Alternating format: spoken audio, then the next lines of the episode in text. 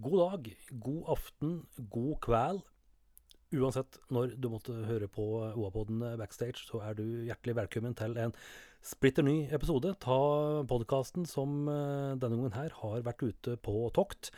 Vi har eh, lurt oss ut i eh, koronadistriktet vårt, vi. og banke på døra og komme inn og satt oss godt til rette, men med god avstand til eh, alle medlemmer i sjølveste Nicholson and Dimes. Vi skal eh, grave i historieboka. Vi skal åpne arkivskuffer som er så rustne at det knapt var mulig å få rikkedom, men eh, med litt flikking og litt tankevirksomhet så, så gikk det bra. Så uh, spenn dere fast, eh, folkens, når vi eh, møter Nicholson Dimes, som eh, består av eh, Nils Harald Mælum, vi har Steffen Nikolaisen, vi har Arne Henry Skullerud, vi har Jon Anders Narum, vi har Arild Steinsrud, og ikke minst Lars Kristian Narum. Så eh, det er bare å eh, slenge stresslessen eh, på maks eh, tilbakelent eh, styrke, og eh, kos deg med en eh, liten time sammen med våre venner i Nichols and Dimes.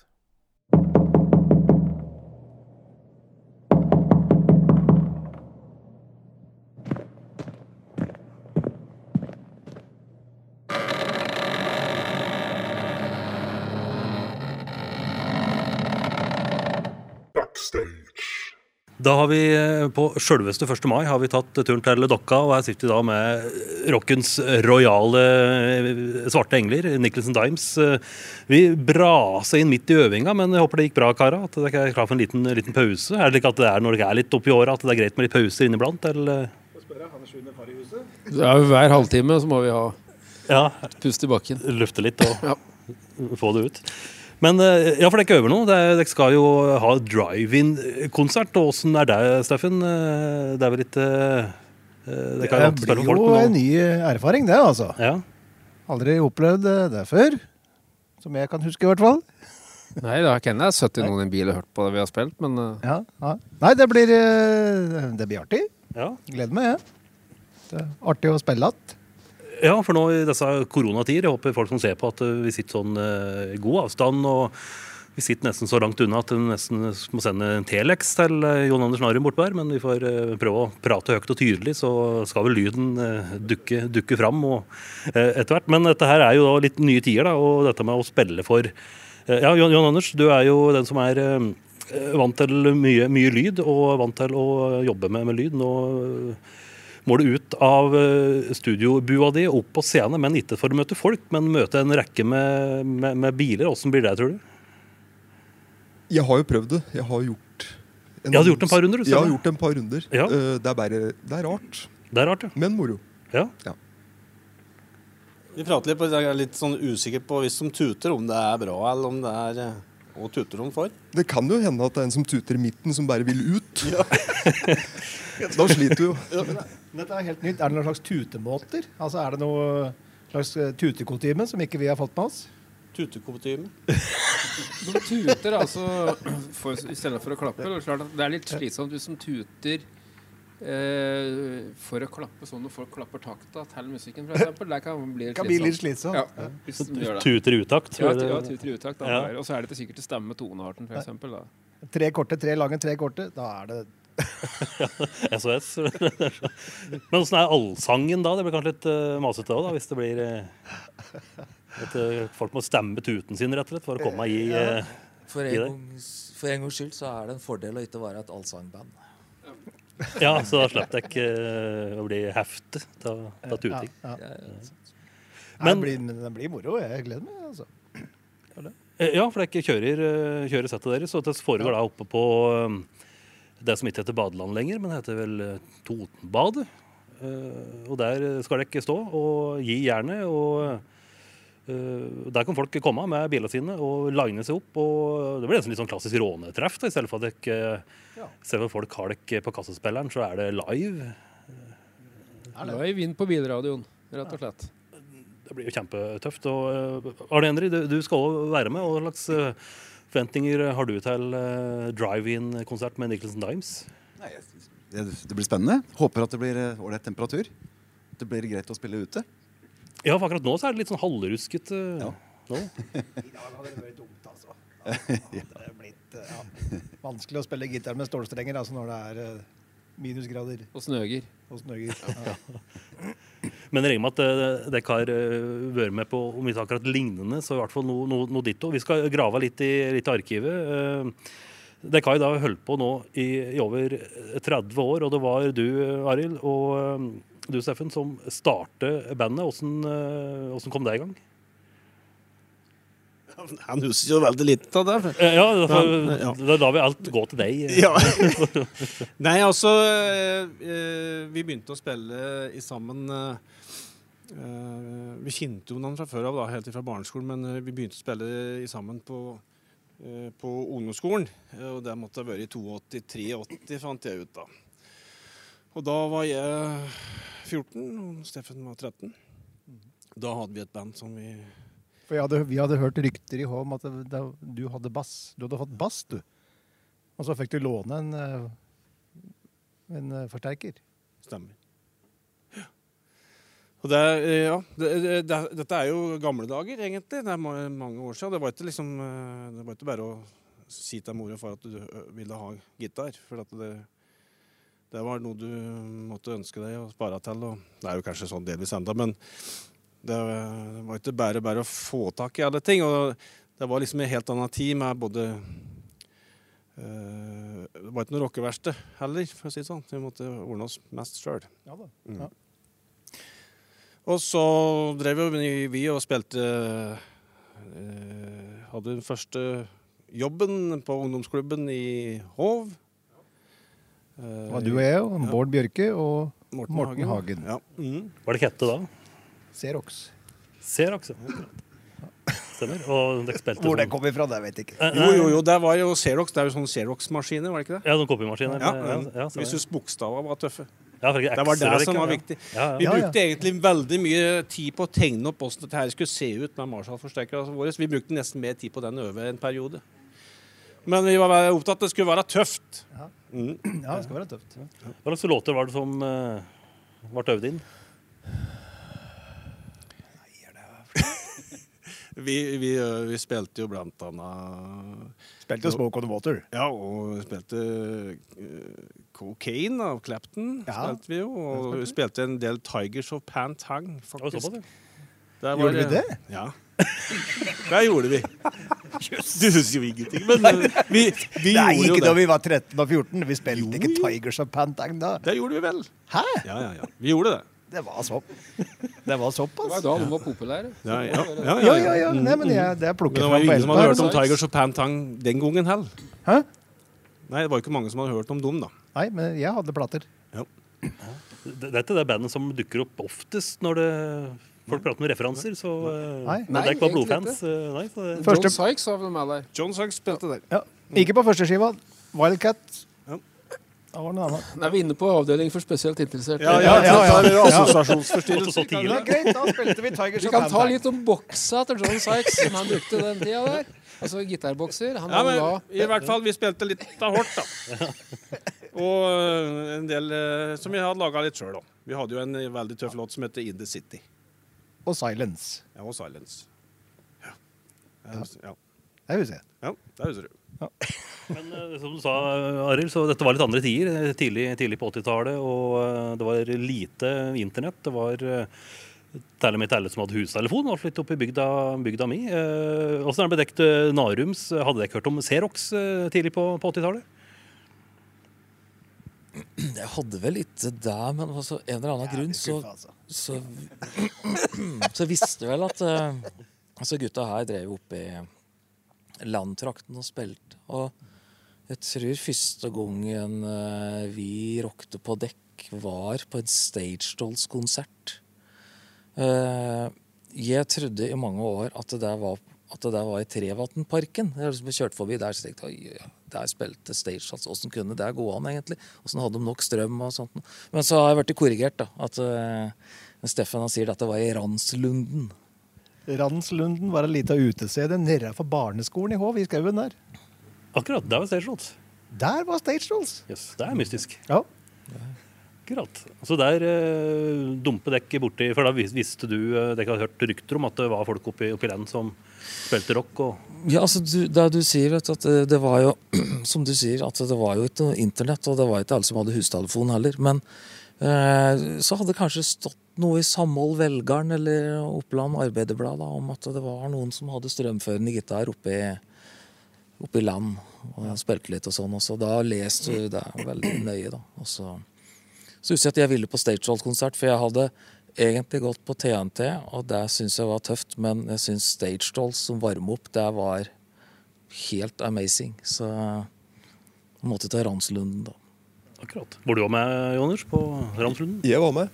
Riktig? Ja. Og da kom vi fra at bare sånn Fordi vi hadde langt hår, tror jeg. Det visste vi. Vi hadde jo sett Jo, vi hadde sett dem, sett dem på TV. Hadde senseless bandet til Lars Kristian og Jon Anders. De spilte jo på halv sju. Ja. Hvilke år var dette, Lars Kristian? Fire eller 85, jeg er ikke helt sikker. Men Ja. der omkring. Og alle så jo, så jo på det som var på TV den gangen, så vi, vi visste jo om dem. Og, og så litt seinere så, så fortsatte Jan Steffen, og da hadde vi mm, da hadde vi lyst til å spille inn egentlig EP, var det tenkt. Og da var det sånn da, Vi hadde laga låter i kjelleren. Ja, det var da vi henvendte oss til uh, Eina. Og var på Drog til Eina og øvde på eh, stabburet en vinterdag. Det var, det var, det var kjempekaldt, var det? Det var 40 minus. Jeg husker det jæklig godt. Det gnistrer i lufta rundt omkring der. Ja, altså det, er, det er et slags bilde på at det var en annen tid, i og med at dere tok eh, Valdresbanen herfra og ned til Eina ja, fra Eina Hå til stasjon. Eina, ja. Og Der var jeg og fatter'n og hentet dere i en Volvo Amazon. Og visstnok så var det så kaldt når jeg kjørte ned at da virket det bremsen. Nei, nei, nei. Og far hans Lars Christian og Jon Anders blåste rett forbi krysset der vi skulle inn.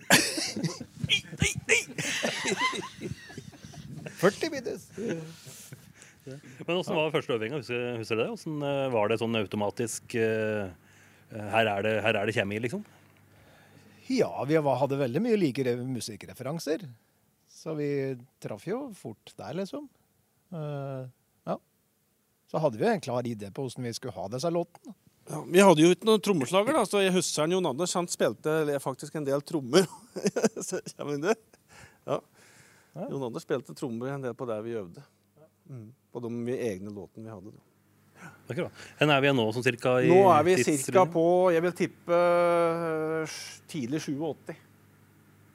Det er, det er før. Det Er det før? Ja. 86? Det må være fire Jeg tror jeg var, jeg var 5-86, tror jeg. nå skal vi jo til den første gangen eh, i hvert fall jeg er i et ordentlig studio, og da var jeg fortsatt 14 år. Så Ja, ja, ja. kanskje 85 en gang, da. Så var det ikke hvem som helst studie vi valgte, heller. Nei, vi, vi, Vi hadde jo- lånte jo penger. Og jeg fikk øh, Ja. Vi, vi ordna oss penger, så vi spilte inn en demo da i Studio Nova nede i Spydeberg. Det var et bra studio for en Ja, ja, ja. gutt- guttunger Oppsal som var amatører, egentlig. Som, øh, ja. Ja, vi hadde jo spart penger lenge, da. Det var jo jævlig dyrt på den tida der. Altså, men vi måtte ha med en tr- trommeslager, da. Men det var viktig at den hadde lappen, for det, vi var jo bare unggutter. Så trommeslager som spilte trommer, og som kunne kjøre bil. Men i hvert fall når vi kom ned til studio, så da Vi hadde aldri vært i studio før. Men vi fant jo fort formen. Men vi hadde jævlig god tid, da. Vi bodde jo i studio, og han hadde en sånn liten hybel der. Og jeg husker jeg vi sto opp seint og gikk ned i Spydeberg og kjøpte noe frokost. Og, og så kom vi opp igjen til studio, og så husker jeg han Robert sa Altså, det var god råd, folkens. Studiotida gikk jo, den. Liten detalj jeg ikke hadde tenkt på. eh. Nei, vi hadde ikke tenkt så mye på det. Nei. Det, det var jo sikkert sånn der 1200-1300 kroner timen den gangen. Det. Sikkert. Ja, ja. Ja. Som dere åt bort i frokost og gikk eh, spaserturer. ja. Hadde jævlig god tid. Ja, ja, ja. Men eh, når var det du kom inn i bildet? Nitran? Det var etter, eh, Hadde Billy i studio? var det det som var etter den innspillinga. Ja, det var jo på grunnlag av den Ja, så jeg fikk vel tilsendt den Jeg fikk vel tilsendt den demokassetten, tror jeg. Og så hadde jeg vel da hadde vel Akkurat da hadde vi litt gjennom band, tror jeg. Ettersom jeg husker. Så, Nils jo Harald var jo mye eldre enn oss, han var jo en par Ja. og 30 år den. Født rett etter eh, Jeg er født rett etter andre verdenskrig. Faktisk. Det er, det er ikke tull heller. Ikke så lenge etter. Eh, Men i hvert fall så hadde Så du hadde krigspensjon, du også? Ja, ja, altså, jeg var krigspensjonist. Allerede den gangen.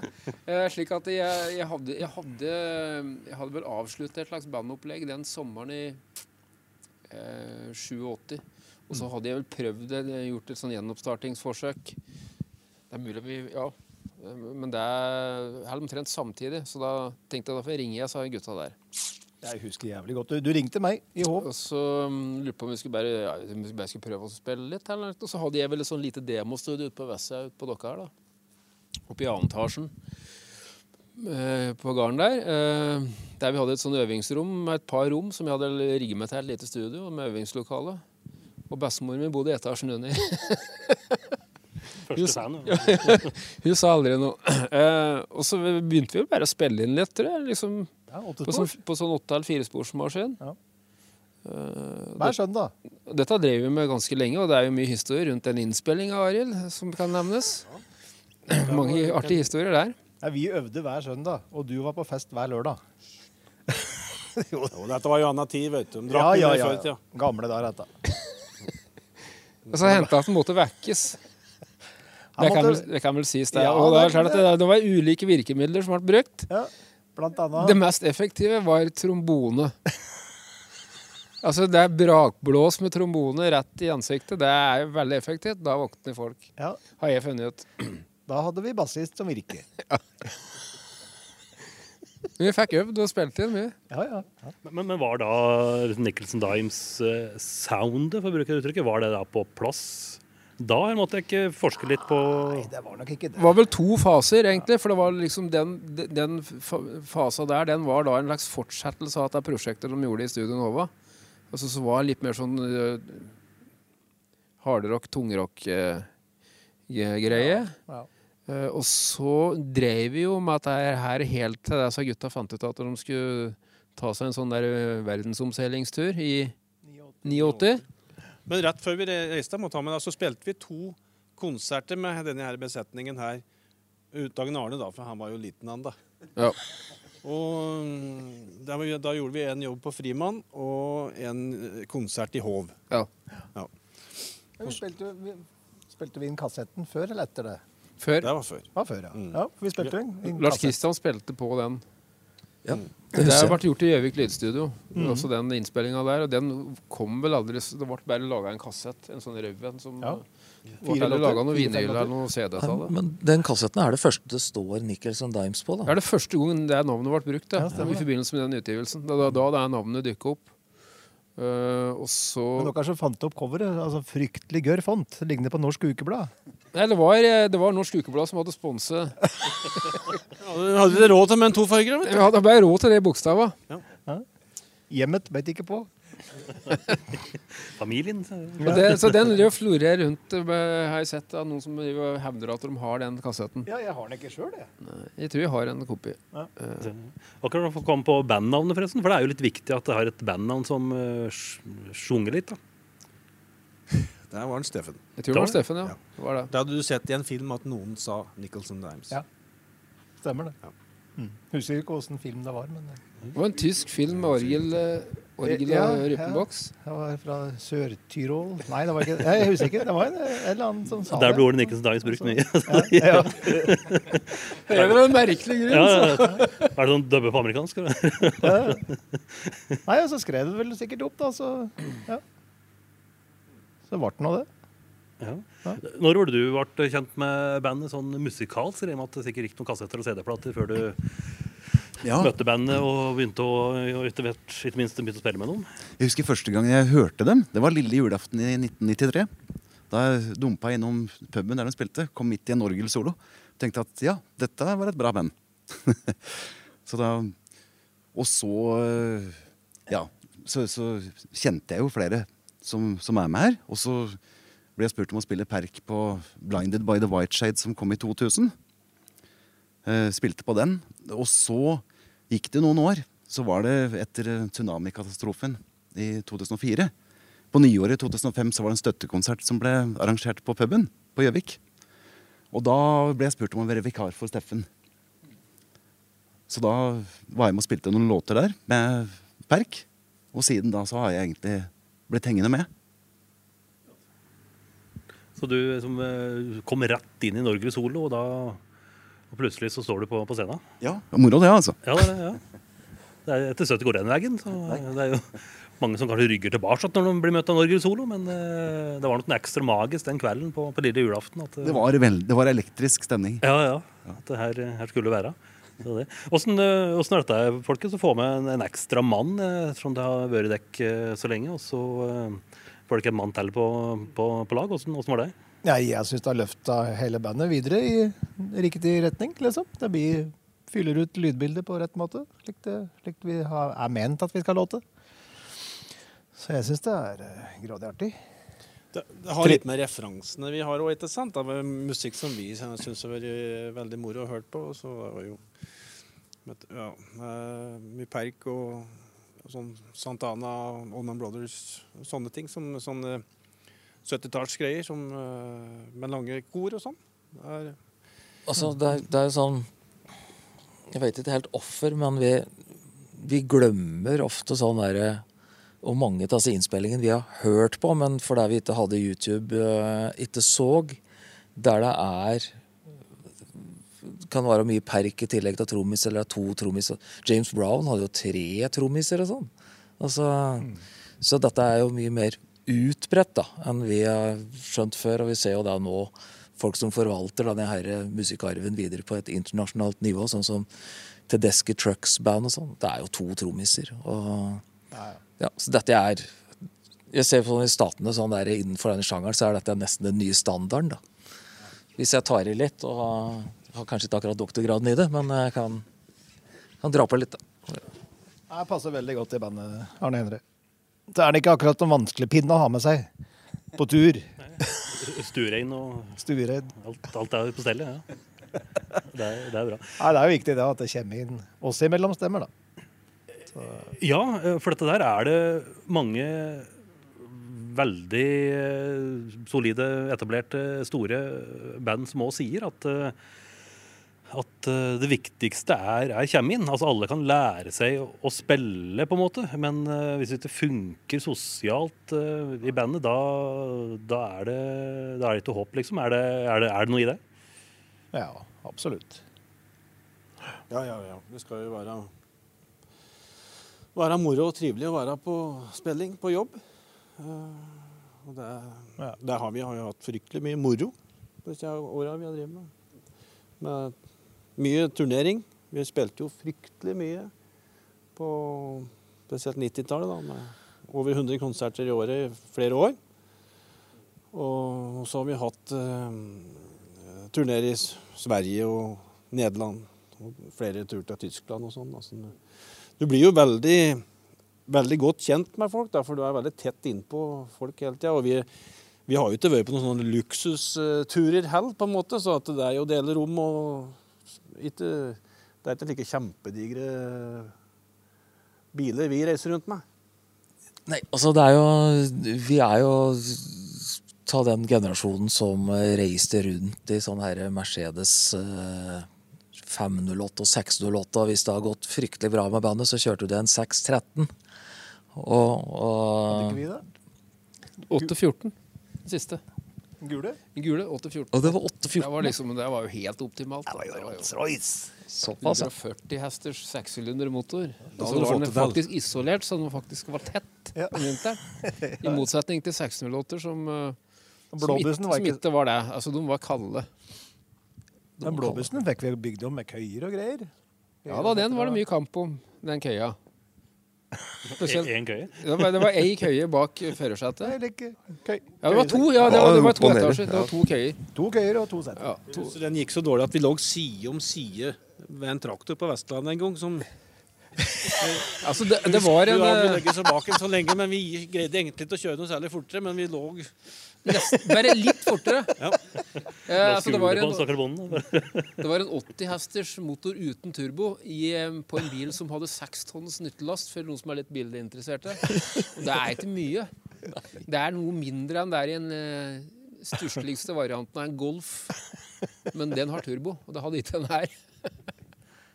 Han Sjåføren vår ville i hvert fall ikke gi seg, så han bare gønner på. Og vi lå Nei, nei, nei! Dette går galt. Nærme oss svingen, liksom. Det gikk bra. Men altså, dette her var jo, dette her var jo den tida da det, du fortsatt du spilte 100 jobber i året, og du når du åpna opp døren bak på en bil, så var det, det var helt hardpakke. Det var liksom, du hadde ikke fått plass til et trommestikke til baki der. Og, og, og du hadde med deg alt sjøl. Du, du hadde fått Vi finansiert. eide jo utstyret sjøl. Vi hadde med full PA og lys og alt, som vi eide, bandet eier sjøl. Og det er jo I dag så er det veldig uvanlig. Det er vel nest, kanskje nesten bare noe altså dansebanda. De fleste av dem gjør det, men ellers er det ingen band som gjør det lenger. Nei. Eh, så er det kanskje Kanskje derfor vi fikk så mye jobber. Akkurat i den eh, tida vi er nå om dagen, så kan det hende at vi kommer til å komme litt tilbake dit. Hvis vi skal komme og få denne bransjen her på beina igjen, kanskje. Mm. At folk må lære seg å reise rundt og ha med seg egen lyd og gjøre det litt enklere og billigere. Men det er klart, vi er på en måte en generasjon som er vokst opp med det. så for oss er den omstillinga ganske grei. Og vi har, det har hendt vi har gjort sånne jobber, har vi. Mm. Der vi har eh, kjørt litt på sparebluss. Men det, ja. Det må, det må nevnes da, at eh, da vi liksom spilte som mest, så hadde vi en veldig bra elektroisk PA som vi var veldig stolte over. Det var litt av et steg opp til den. da. Ja. Og den eh, bussen og den ble stølig en gang vi spilte på Smuget eh, Ja, ja. i Oslo. Og da sto bussen parkert med PA-en i utafor, for vi hadde bare med backline inn. Og kom ut at bussen var borte og sånn. da. Lang historie. PA-en fikk vi aldri igjen. Den var forsikret. Kjøpte en ny. Vi fikk igjen bussen. Men så, det eneste som ikke var liksom veldig bra i det vi reiste rundt med, det var jo den der lysriggen. Den stjal de ikke. Den var det en, hvis du tenkte yes, da er vi kvitt den der lyskassa. Den var liksom ordentlig Rigg Rygg er vel å ta i òg. Den hadde vi ikke giddet å tatt med. Men det, det hører med til historien at den bil parkerte jeg, og den parkerte vi da på et sted som i dag ikke er så populært å parkere kassebiler i. Det er nemlig Grubbegata. Grubbegata. ja. Eh, der parkerte den. Ja, ja. Og du og jeg stæga bort da, til politikammeret Så på var Så var nede på Grønland på politivakta, og til slutt, da når vi fant ut at den ikke var tauet så var det også også melde bil stjålet. Og så var det å ringe forsikringsselskapet og fortelle hva som hadde skjedd. Ja. Åssen er det du kommer og kommer oss opp igjen da? Nei, vi gikk vel, så vi gjorde mye den. Gikk, gikk hjem til dere! Gikk på ski. Det er derfor ikke dere er så slanke nå. At Ja, ja, ja, vi er fortsatt med dette. Altså, jeg går da, gå på arbeid. jeg, altså, jeg er på jobb på Gardermoen, så går jeg på ski vinterstid. Ja, det, Med en sånn slaa utstyr. ja. Men også med dette John Anders, når, eh, jeg si, 30 år siden, og vær så det, da var jo ja, Dere var jo unge, unge karer. og eh, hadde dere da visjoner om at dette her skal vi drive med nå i, i mange mange, mange år? Eller var det litt mer sånn at dette er artig her og nå, og så ser vi hva som skjer? liksom? Eller var det store ambisjoner? Det var vel store ambisjoner. Vi, eh, jeg husker ikke når det begynte. Var det 3 eller fire og nitti? Nei, jeg husker ikke det. Eller, men, Du eh, kom med i 94, vel? ja, kanskje 94. Ja. så kom Merch i 95. Ja, overgangen 93-94. Ja. Lars Kristian kom meg i, i januar 93, var det vel? Eh, Ja. Og så gikk det ca. et år. Ja. for husker du at vi Når vi begynte, vi drev jo Når vi ikke var på spilling, så drev vi jo nede i Strandgata i studio. Vi hadde rett og slett arbeidstid. ja, vi, altså, vi- drev jo dagtid. Vi hadde, jeg hadde et studio nede i eh, Strandgata 13 på Gjøvik. Det, er- det er som jeg vil si at det er Kiwi og sånn der nå. Uh, og der var vi Altså Jeg drev jo litt med innspillinger ellers, men når, det var liksom studio var ledig, så var vi der på dagen og bare satt på kaffetrakteren og, og drev der. Når vi ikke var ute og spilte. Så det var liksom gå på jobb, rett og slett. altså. Øve og lage låter. Og.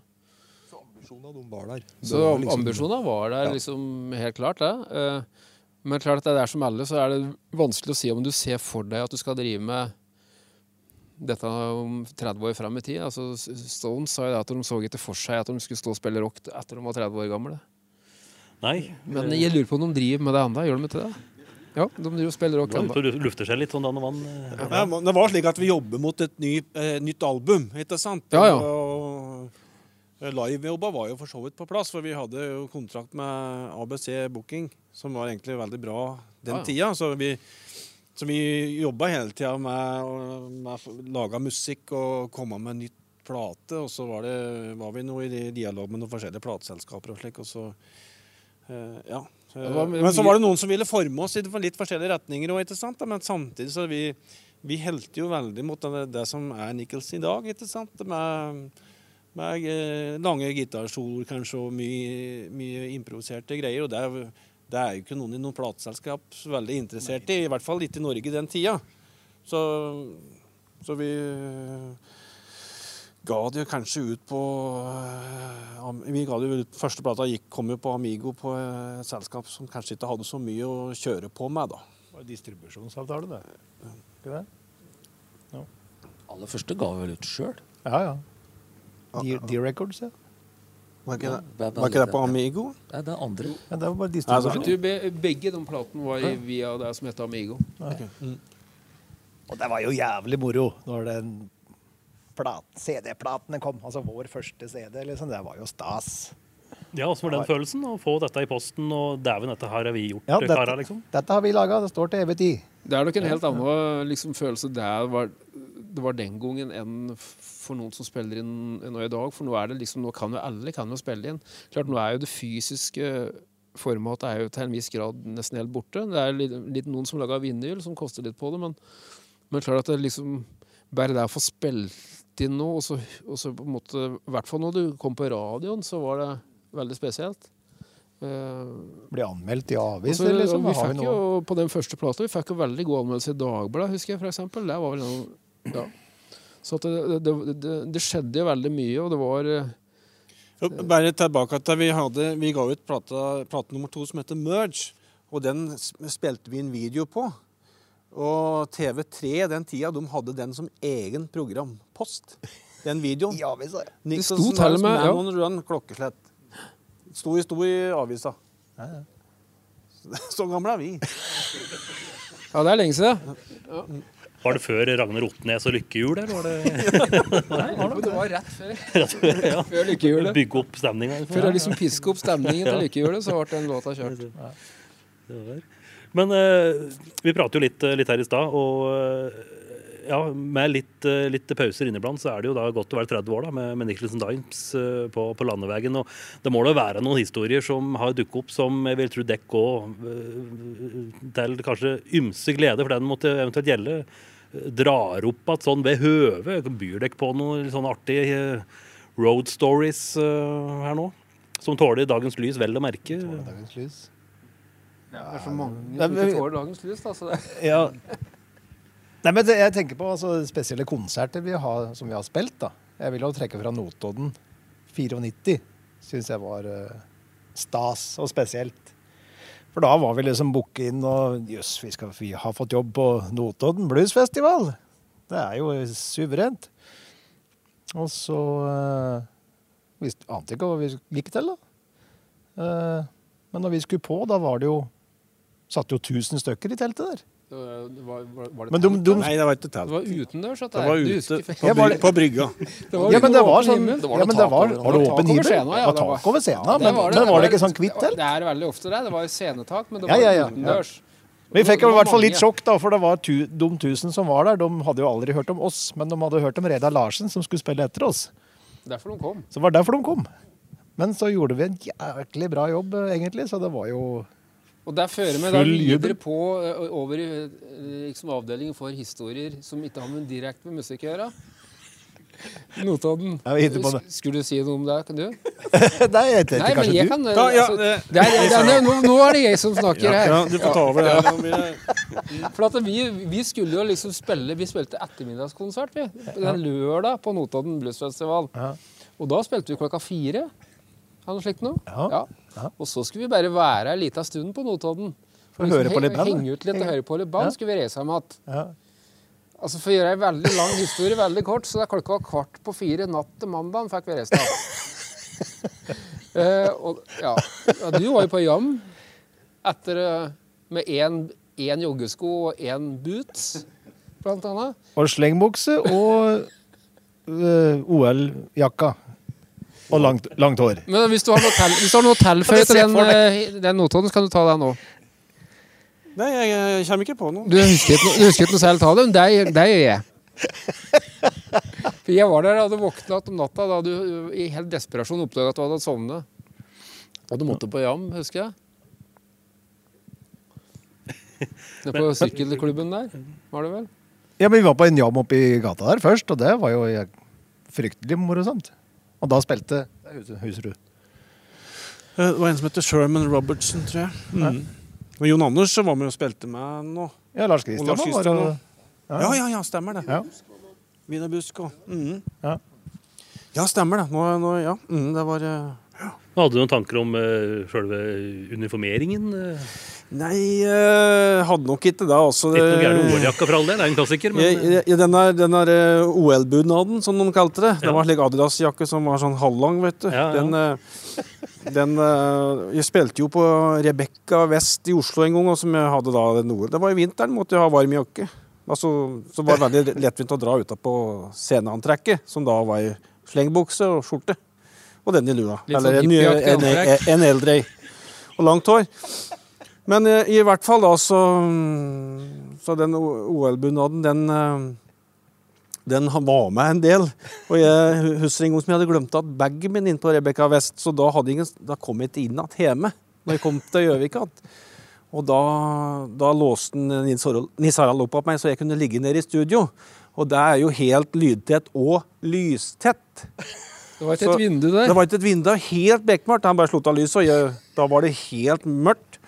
Eh, og når jeg, når jeg våkna om morgenen der, så, så hadde jeg opp øynene, men det skjedde, jo ingenting. Så jeg, så jeg trodde jeg var blind. Jeg trodde lang tid at jeg var blind. Og døv. Ja, jeg hørte jo ingenting inni der, for det var lydtett og lystett, så det var, det var skremmende. Det var skremmende.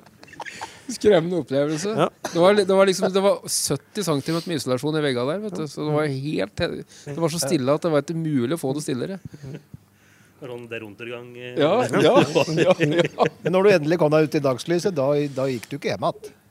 Nei, Jeg kom seg hjem igjen, Da måtte jeg eh, ta en runde på byen, og så var jeg på jeg, i OL-bunaden og slengbukse. Var der litt. Fikk tak i et etter hvert. Og... Men satt vel på puben av Frimann et par dager før du kom hjem? Nei, nei, det gjorde jeg gjorde ikke. Jeg gjorde ikke. Men eh, er det til like at dere fikk eh, lov til å eh, komme bakom på Du nevnte jo Stones i stad. Dere var vel mm. Dere er vel på hels med dem? Vi er på hels med Stones. Ja.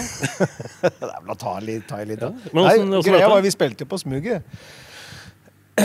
Og da tilfeldighetene Da skulle jo Stones spille dagen etter på Valle Hovin.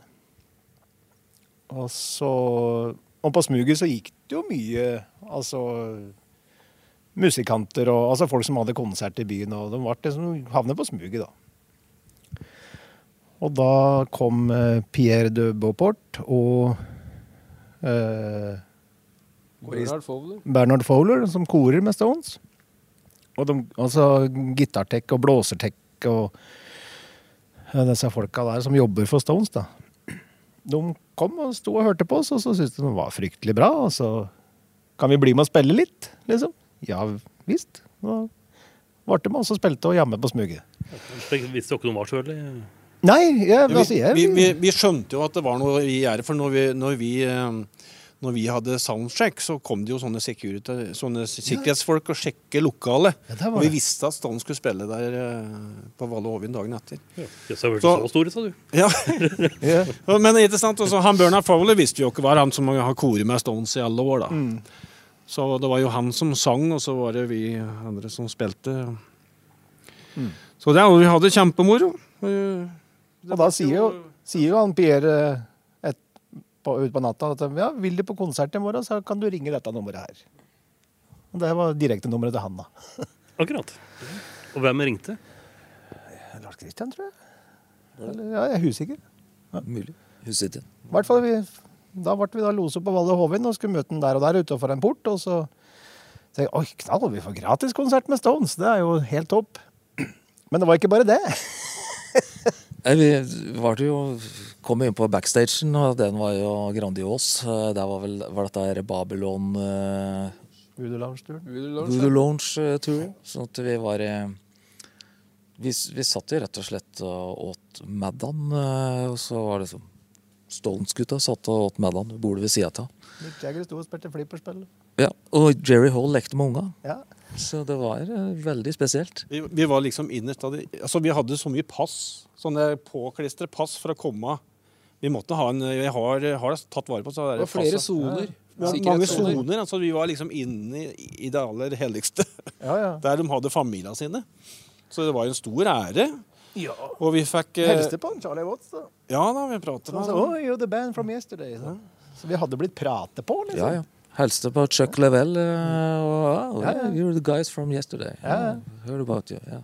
Så, Og så tok en Pierre og så lose oss Ja, kom her nå, skal de få losen oss opp på scenen mens eh, oppvarming? Robert Cray. Robert Cray ja. sto da og spilte oppvarming for 30 000 på Valovin. Og da kom vi opp på scenen, liksom bak, der som alle gitara sto. Vi måtte jo ta opp alle gitara til Keith. Og Fikk prøve òg. fikk prøve òg. Ja, ja, ja, så der sto vi tullinger fra land og Toten og kikket ut på Folkehav, og så Ja. Så han liksom viste oss arbeidsplassen sin. Her jobber jeg, liksom. Der er gitara til Keith, og gjør sånn og sånn. Og, ja, strålende. Og så Ja, nå er det snart Stones. Nå er det snart konsert. Ja, men da har, jeg, har vi noen bra seter til dekk her. Da ble vi òg lost igjennom noen ganger, og rett foran mikseren, der var det vel noen få stoler. Ti stoler eller noe. Ja, det var noen krakker foran. Ja, rett foran mikseren. eh, Liksom i, så der kunne vi sitte. Satt der sammen med Jerry Hall og Ja, Broren til Mick Jagger satt der. fikk vi settlist, da. Ja, Setlist og Blekter og Så der satt vi og så på Stones. Du er der for en opplevelse, gitt. Ja, ja. Helt vilt. Så, men det var jo første gangen. Og andre gangen Stones var i byen, da, og så fort vi fikk vite det, da ringte jo vi smuget da, vet du. Du, vi har en dato her vi gjerne vil spille. Sånn tilfeldigvis. Tilfeldigvis. Ja, altså, jo, jo, jo, det passer bra, det. Og da kom de tilbake igjen. kom at. De kom igjen for å sjekke om vi spilte, og det gjorde vi. Det fineste var når vi rundet hjørnet rundt med den gule bussen. Rundt hjørnet der. Da sto jo Pierre og en til Ja. utafor smuget og kikket på plakater i vinduet. Ja. Og så var det å hoppe ut og Hallo. Hallo. Takk for sist. Ja, ja. Og da fikk vi samme runden en gang til. Ja. Så han tjente katt ifra i fjor, holdt jeg på å si. Og, Ja, ja, det var jo et par år imellom, han satt med, for, dette var Bridges to Babylon-turneen. og- Men det som var litt synd, når Stones var i Norge her for noen år siden da var det Nå sist, ja. Da var jo han Pierre de Beauport Jeg må jo si at han er jo han, han er en veldig viktig person for Stones, som jobber veldig innad inni inne i bandet og spiller på noen ting på plate og sånn. Med så Stones, og han, eh, han er deres høyre mann. Kan, høyre hånd. Kanskje han å si. Høyre hånd. Kan han si det. Lars Kristian? Ikke høyre mann, men høyre hånd! Mann! Må de ha din. Nei, nei, nei. Ja. Hannon Boris. Ja, videre. Vær så god. Kan du si noe om det, Lars Kristian? For du har jo hatt mest kontakt med han. Ja, Pierre ringte, Ja, ringte ja, jeg, jeg, var, jeg var ute og gikk tur med bikkja. Da, da ble det plutselig oppringt av en eller annen som kjørte rundt på Pierre og noen folk. Og noe greier. Og... Så da var vi litt i kontakt uh, i forbindelse med det. Men uh, Vi sto jo standby for å, for å få go for å komme dit Stones øvde. Ja, men Pierre Ja. spurte om vi skulle treffes, liksom. Ja, han, han gjorde det. det. så, Men der var, der var antageligvis noen i det norske systemet som hadde pga. sikkerhetsantagelig ansatt og bestemt at det her skal det ikke noen folk inn. Så, et eller annet Ja. der, tror jeg. Så det, så det, det er vår Stones-historie, da. ja. Jo, men det er mange som uh, digger Stones, som kunne gitt både fingre og armer for uh, en sånn type opplevelse med, Ja. med et av Madda ved siden av Stones-kara. Åssen var cateringen, forresten? Var det, var det godkjent? Ja, veldig bra. Den var Mer veldig upåklagelig. Mer enn godkjent. Ja. Men eh, mens vi satt og åt, husker du det, så roper det fra borti hjørnet. Jøss, er det Er det sånn for noe? Er det, er det, noe, er det kjentfolk her, eller er det noen landinger her, eller et eller annet? Og det var eh, fysioterapeuten til Mick Jagger. Han er ifra Gjøvik. Gjøvik. ja, stemmer det. Det var, er broren til Mjarte Eike. Og han satt borti sofaen der. Jøss. Han, han hadde jobben hans var rett og slett å ta vare på Mick Jagger. Det var, altså, han, det, var det, eneste, det, det var det han gjorde. Ja. Han var ansatt som personlig trener. Ja. Sånn, Så han kom bort og sa hei. Per nå så Er ser det ut som har gjort en god jobb òg. Han er fortsatt Ja. eh, oppegående, han. Det er mulig han har den jobben ennå. Jeg vet ikke. Ja, det er mulig. Ja, det. Men når det gjelder sånn der å henge med celebs, da, så Altså, det der smuget, det var jo en sånn der plass der eh, folk som spilte i Oslo, ramlet innom. Og hvis, det var jo helt tilfeldig at vi også spilte der dagen før en Sting-konsert.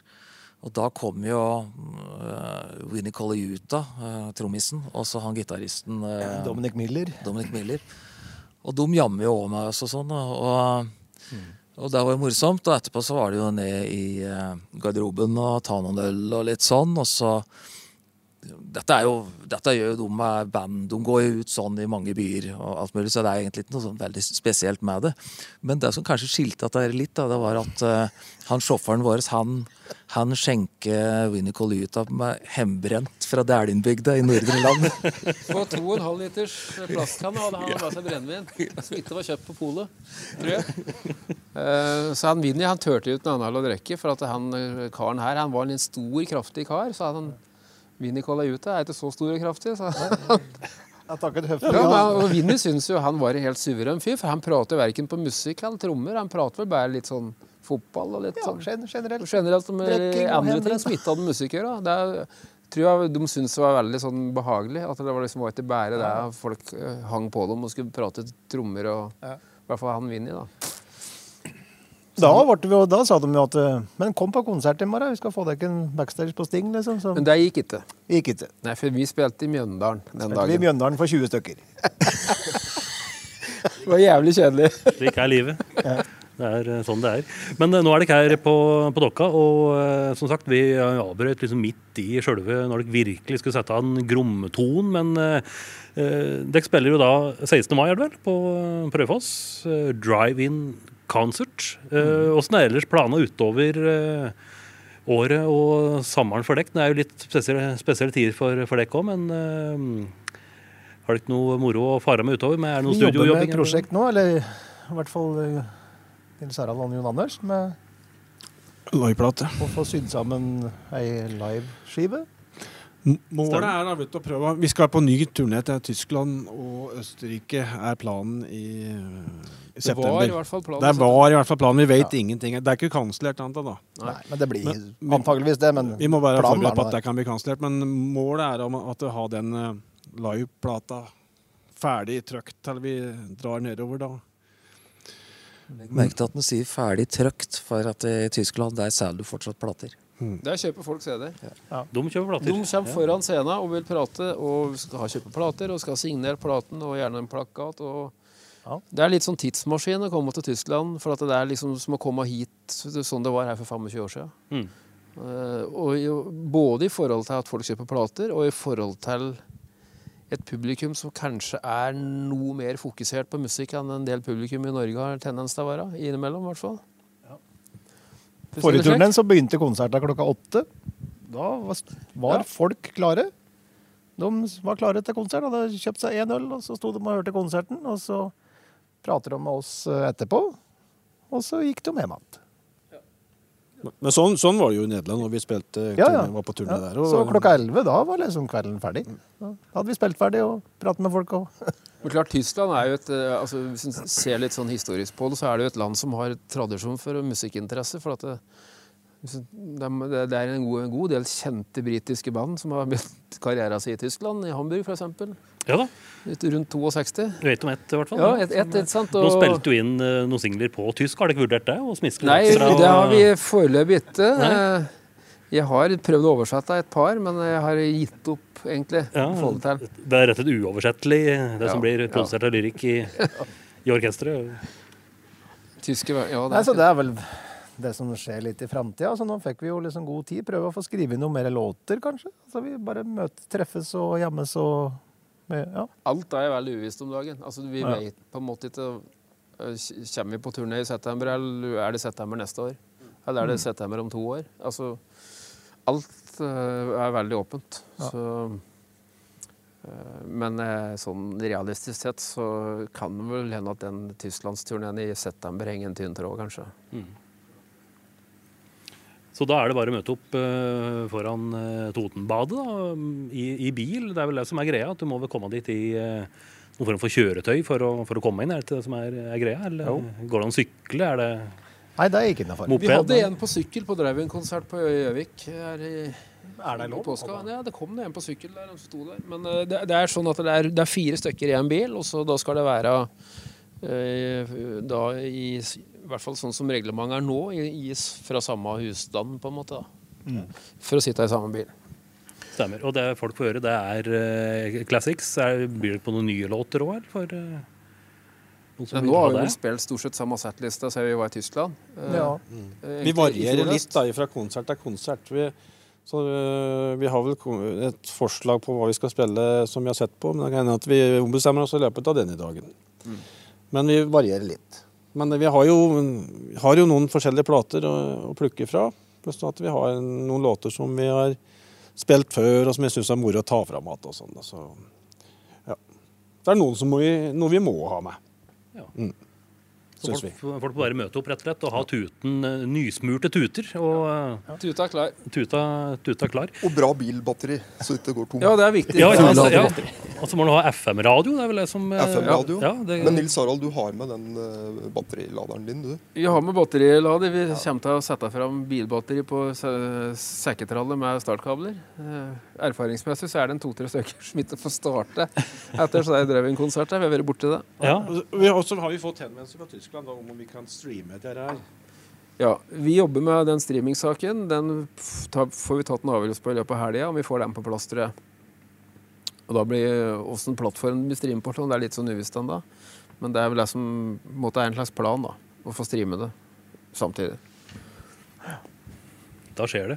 Eh, som vi har sagt mange ganger, dere har eh, drevet på i eh, håndfull eh, tiår. Eh, eh, heldigvis så spirer det og, og gror litt sånn i undergrunnen òg. Yngre band som eh, trår sammen og begynner å spille, spille rock'n'roll. Hva slags eh, råd har dere gi til eh, de som nå er kanskje er 14-15 år og begynner å spille i band og har lyst til å eh, drive med det? Er det noen som har noen oppskrift på hvordan en skal holde, holde sammen i 30 år? Jo, Ja. Jeg tror det viktigste er rett og slett bare å komme seg ut og spille, og så Og vi sitter, hvis du midt er liksom Hvis du Ja. Vi er liksom alle begynt med, egentlig, i hvert fall jeg, med å være ganske dårlig til å spille. Og så spiller du og spiller du, og så blir du litt og litt bedre. For jeg tror det er måten å gjøre det på. Altså, men å komme oss ut og spille for folk, sjøl om det kanskje ikke er helt sånn optimalt sånn, det du presterer. For det viser seg jo da at det er liksom ikke Du må jo kunne å spille og sånn, men jeg tror du må begynne liksom å spille for folk. Nå er vi inne i en sånn helt ny tid, på en måte. Altså, vi vet liksom ikke hva som skjer med saker og ting, men jeg tror da at det, det viktigste er rett og slett bare å komme seg ut og spille. Og så Og, og så dra ut og høre på band. dra ut og og høre på på livemusikk. Ikke Mm. bare sitte på nett og se på musikk, for det er noe helt annet å oppleve musikk. Det opplevde vi den tida da, da vi fikk liksom nye folk som kom og hørte på oss, som, som kanskje ikke hadde noe forhold til sånn musikk i det hele tatt, og som på en eller annen grunn ble noe de kjente til.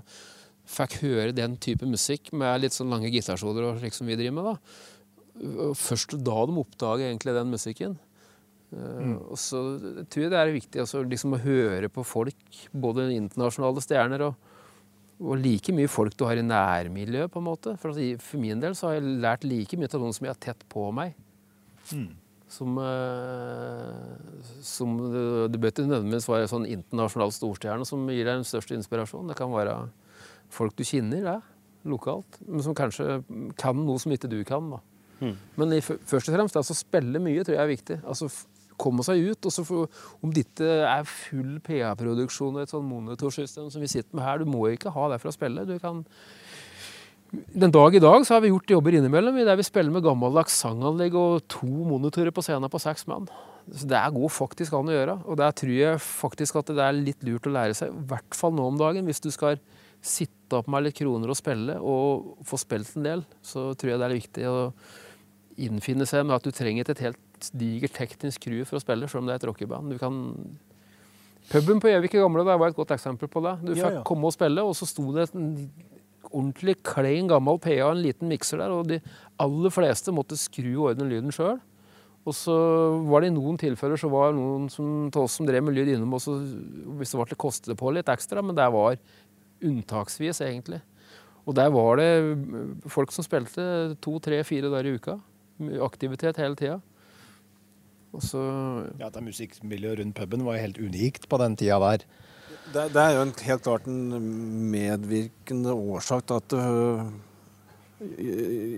distriktet Toten-Gjøvik har veldig godt øh, rykte på seg for å ha mye dyktige musikere. Så jeg tror, tror jeg sånn den mentaliteten blant eh, eldre musikere på eh, har, har spilt en stor rolle der. For at vi, ja, med sånn som en, en Bror Skog for eksempel, og Jørn Fodnestøl og flere andre. Det var bare Kom igjen, gutter, bli med og spill. Det var, var sånn veldig, Inkluderende. veldig inkluderende og oppmuntrende, da. Ja, og så var det vel litt òg det at eh, altså, folk på en måte kanskje var ikke noe sånn spesielt sånn jålete i forhold til hva du spilte, hvis du kunne få deg en spillejobb. Det tror jeg var viktig. Ja, ja. At du kunne stå og spille en, eh, liksom Sven Ingvars-låt den ene dagen, og så kunne du gjøre noe annet. Og så kan, eh, i, I forhold til folk som band som på en måte da bare drev med sine egne ting og ikke hele tatt liksom så litt utafor sin egen sjanger. Og jeg tror at det er kanskje grunnen til at det liksom den håndverksmessige delen av musikken fra det er miljøet rundt Gjøvik og puben og sånn, at det, at det er liksom hva det er, folk kommenterer det nivået, har veldig mye å gjøre med at folk spilte alt mulig. Altså, Jon Anders spilte jo i dansebandet samtidig som spilte Nicholson Dimes en periode. ikke sant? Mm. Og Det er liksom ingenting i veien for å gjøre det. Og jeg jobber i studio med Torje Ings og alt mulig. altså Sjøl om du på en måte framstår med en slags sjanger, så tror jeg Og, og der, der ser du jo på eh, de tradisjonelt store, gamle rock- rockebanda. altså Jimmy Page han var jo studiogitarist. Han spilte ikke bare liksom hardrock og Zeppelin-ting, han. Han spilte alt mulig. John Paul Jones, utsatt. det er mange av disse gutta der. Ja. Eh, så det er liksom, For å komme tilbake til spørsmålet ditt, så er det liksom det er kanskje det som var litt sånn der, ikke være så veldig sånn der kresen eller jålete på sjanger, men spille mye forskjellig. Eh, bare komme seg ut og spille. Det er kommunikasjon det dreier seg om. Ja, Så veien er ikke uh, reality-program på TV, med andre ord? Det. Nei, altså det er, det er kanskje det- Nå er jeg, nå er jeg liksom bestemt meg for at jeg skal egentlig være litt så gammel grinebiter som syns at mye var bedre før. Ja, da. Men, eh, men altså, i noen tilfeller så er det faktisk noen ting som var der. Men ikke nødvendigvis. Men akkurat når det gjelder tingene der, så tror jeg det er ikke så dumt å se litt bakatover. I forhold til liksom Og så er det noe med det å finne, finne gleden av å, å være i samspill med andre folk. Istedenfor å sitte og bare lage musikk alene på rommet, liksom. Ja. Det er noe med det å stå på en scene, og det blir jo en helt annen kommunikasjon med, altså med folk. Ikke sant? Altså bare den gleden av å spille i band. Håper jeg mange finner, altså. Så Start, start band, liksom. Altså, ja. Så tror jeg, tror at rocken er, egentlig er død, ja, som mange sier. Altså, mange sier at nå er det, liksom, er det bare EDM og alt som gjelder. Men egentlig så er det, det er fryktelig mye nye, bra unge band.